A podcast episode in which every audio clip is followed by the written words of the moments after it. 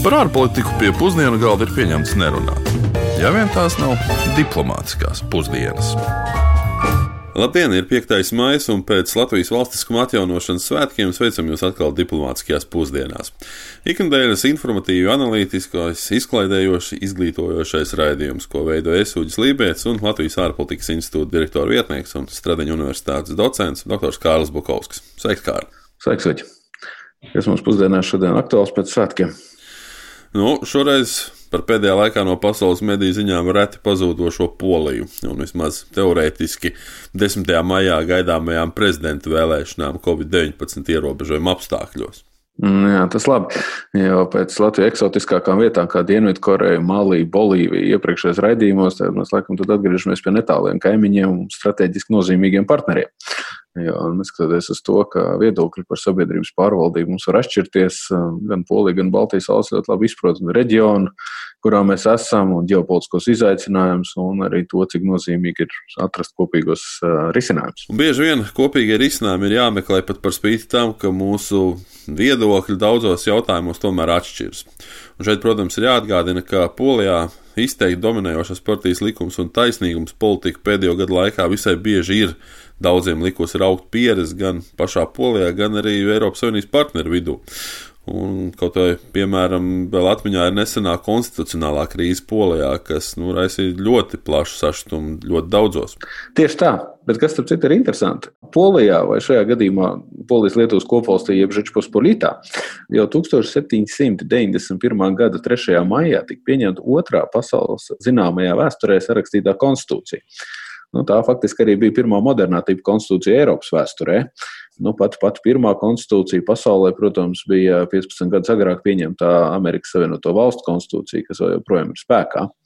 Nu, Polijas konstitūcija gan tomēr bija ar īsāku mūžu un beidzās jau pēc 14 mēnešiem un 3 nedēļām otrās Polijas-Lietuvas kopvalsts dalīšanas rezultātā. Jā, valsts ar garu un visai raibu vēsturi, un kā bieži vien ir dzirdēts Latvijā, valsts, no kuras mēs varētu arī daudz ko mācīties. Nu, tāpēc arī mēs jautājām mūsu klausītājiem, ko tad viņu prāt mēs no Polijas varētu mācīties. Nu, viena lieta, ko Latvija varētu mācīties no polijas, ir um, tas, kā nedarīt. Proti, sliktais piemērs. Nu, tas gan par politiku, gan ārpolitiku, gan, gan arī ekonomikā. Jo polija ir tāds kā nu, Eiropas Ķīna. Eiropas Ķīna, kas uh, ražo daudz, ražo lēti, bet uh, bieži vien arī nekvalitatīvi. Kā cilvēkam, kas atbalsta Eirozonu kopumā, man šķiet nesaprotama un neatbalstāma polijas kavēšanās ieviest eiro, ko Latvija jau ir izdarījusi. Es sakos, Eiropai viņi neklanās tur diezgan uz visais migrantu jautājumos un tam līdzīgi viņi tur savu līniju tur diezgan tieši vien. Ne tā kā mēs, kā pasaka tā, ok.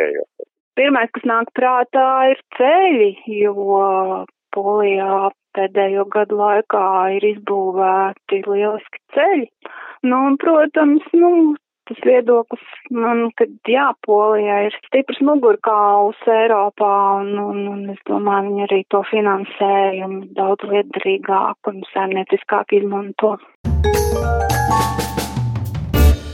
Nenoliedzami Polijā notikušās pārmaiņas savulaik veicināja arī Padomju Savienības vēlāko izjukšanu, un pēc tam Tūkstošgadus mijā Polija arī visai ātri iekļāvās NATO un Eiropas Savienībā. Nu jā, bet tie nav tikai šie mūsdienu sasniegumi, bet visa agrākās valsts, sevišķi impēriskā vēsture, kur jau sāku minēt sākumā. Tā ir ļaus mūsdienu politiķiem, manuprāt, aktīvi apelēt pie patstāvības, vienlīdzības ar lielākajām valstīm Eiropas Savienībā un reģionā vispār kopumā.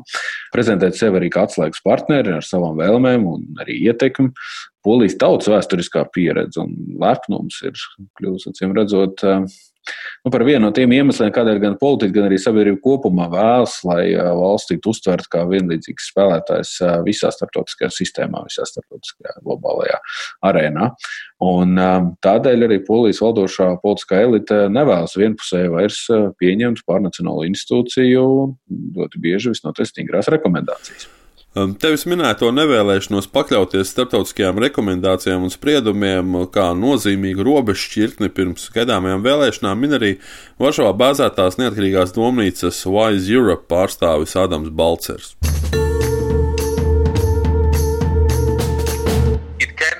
kind of Rubicon for the Polish uh, political system.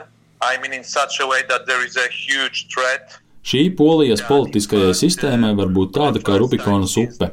Ir ļoti liela iespēja, ka pirmo reizi kopš komunisma krišanas mums Polijā būs vēlēšanas, kuras starptautiskās institūcijas neatzīs par brīvām un godīgām.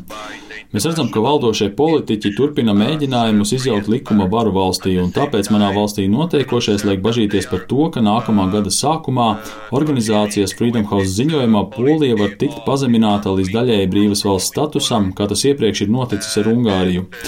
Pēdējā laikā valdošā elite ir sākusi atklāti ignorēt un nepakļauties Eiropas tiesas spriedumiem, un tas nozīmē, ka pašlaik Polijā notiekošo var interpretēt kā Polijas pakāpenisku izstāšanos no Eiropas Savienības likumīgā ietvara.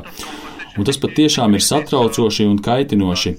Runājot par polijas opozīciju, man tā ir milzīga vilšanās, un es runāju ļoti pieklājīgi. Patiesībā viņu darbības ir pilnīga katastrofa. Tā ir neiedomājama kakofonija, haoss, anarhija, iekšējie strīdi, cīņas, kuras tikai stiprina partijas likums un taisnīgums pozīcijas. Opozīcijā nav nevienas partijas, kurai būtu izteikta dominance pār pārējām, un starp mazajām partijām notiek cīņa par varu. Tāpēc arī Jaroslavam Kačīnskim ir iespējas īstenot savu skaldi un valdi stratēģiju exercise against this guy, this strategy of uh, divide and rule, divide impera.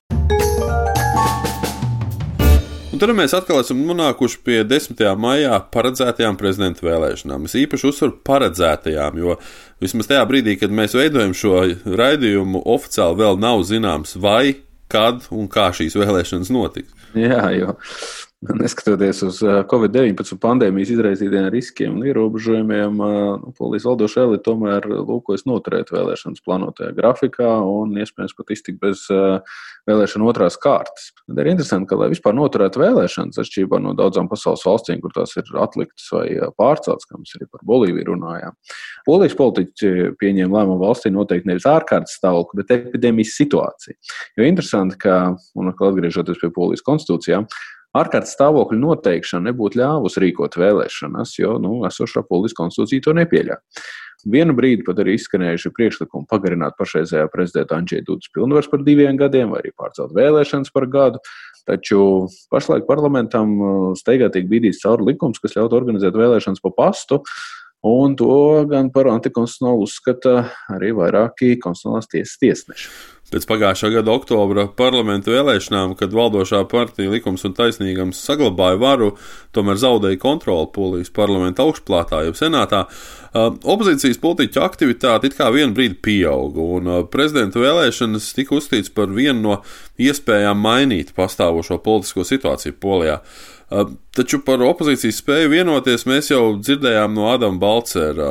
Savukārt Londonā bāzētā pētniecības institūta Eiropas ārlietu padomus pētnieks Pāvils Zerka uzskata, ka pašreizajā situācijā pat vispār ir apdraudēta opozīcijas dalība vēlēšanās. No matter whether they will take place on the 10th of May or not, then there is a, another big question whether. Neatkarīgi no tā, vai vēlēšanas notiks 10. datumā, ir vēl viens liels jautājums, vai opozīcijas kandidāti piedalīsies šādās nelikumīgās vēlēšanās. Opozīcijas galvenā kandidāte Malgožata Kīdava Blonska, kas pārstāv pilsonisko koalīciju, jau ir paziņojusi, ka, ja vēlēšanas notiks 10. maijā, viņa tajās nepiedalīsies. Vienlaicīgi arī kādreizējais pilsoniskās platformas Savienības līderis Donalds Tusks ir paziņojis, ka viņš šādas vēlēšanas boikotēs. Tāpat ir rīkojušās arī vairākas citas nozīmīgas opozīcijas figūras, un tas nav tikai no liberāļu puses. Arī bijušais kreisais premjerministrs Lešeks Millers ir paziņojis, ka boikotēs šīs vēlēšanas. Opozīcijas pusē esošie politiķi un komentētāji savos viedokļos ir diezgan šķelti. Daži saka, ka ir masveidā jāpiedalās balsojumā, vienalga, kā tas ir sarīkots.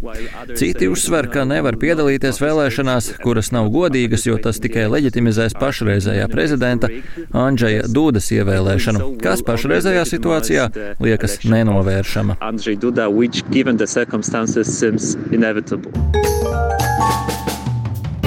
Sabiedriskās domas aptaujās Andrzejs Duda nenoliedzami ir populārākais kandidāts, un, um, kā norāda kolēģis Pāvils Zerka, uh, arī viņu veikta aptauja liecina, ka ņemot vērā vēlētāju noskaņojumu atšķirību, pašlaik Duda pirmajā kārtā uzvarētu ar aptuveni 60 vai pat vairāk procentiem balsu. Uh, taču, ja vēlēšanas notiktu normālos apstākļos, Duda pirmajā balsošanas kārtā visticamāk iegūtu vien aptuveni 40% balsu, un otrajā kārtā cīņā pret jebkuru citu opozīcijas kandidātu viņa izredzes būtu 50 uz 50. Jā, un šeit, protams, mums ir jāpaturprātā šis fakts, ka pusprezidentālajā polijas sistēmā prezidentam tomēr ir vien, vismaz viena ļoti svarīga funkcija. Tas ir uzlikt veto gandrīz katram pieņemtajam likumam. Nevienu parlaments to pēc tam nepārapstiprina ar trīs piekdaļu vairākumu. Un, nu, tas parāda, cik ļoti nozīmīgs esošajā politiskajā konstelācijā valdošajai partijai, likums un taisnīgums, ir konkrēti šā brīža prezidents un prezidenta kandidāts Duda. Rezumējot, laikam gribētos daļai piekrist kolēģim Pavelam Zerkam, ka polijas nākotne vismaz uz turpmākajiem dažiem gadiem ir izšķirta tieši pašreizējā Covid-19 krīze, jo valdošā partija likums un taisnīgums turpina. Mēs ticamāk, nu, mēs redzam, ka arī turpinās cīņa par varas saglabāšanu, un tas izdodas pateicoties lielā mērā arī dāsniem sociālajiem maksājumiem, ko izjūt ļoti daudzi vienkārši iedzīvotāji.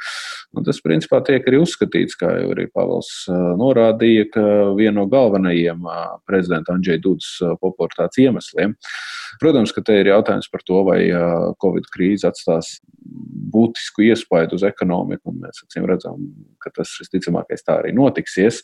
Bet nu, polijas ekonomikā mēs esam vērojuši relatīvu struktūrālu līdzsvaru, visnotaļ lielu stabilitāti, un principā šobrīd paredzēt, ka polijas sistēma sabruktu tikai dēļ krīzes ir, ir vēl pāragri, jo, nu, jā, lai sociālos pabalstus finansētu ļoti daudzas valdības, un ne tikai valdības, arī atsevišķi pašvaldības, kā mēs zinām, ir tendējušās aizņemties naudu finanšu tirgos. Mēs atceramies, kā Grieķija savus vēlētājs faktiski pirka ar sociālo pabalstu piesolīšanu un, un, un nodrošināšanu.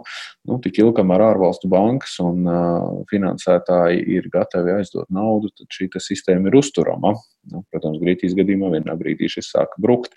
Polijas spēks pilnīgi noteikti un arī vienlaicīgi tā vājība ir uh, tirzniecībā. Polija ir ļoti uh, atvērta ekonomika ar ļoti lielu tirzniecību precēs ar uh, Eiropas Savienības valstīm un ar visu pasauli.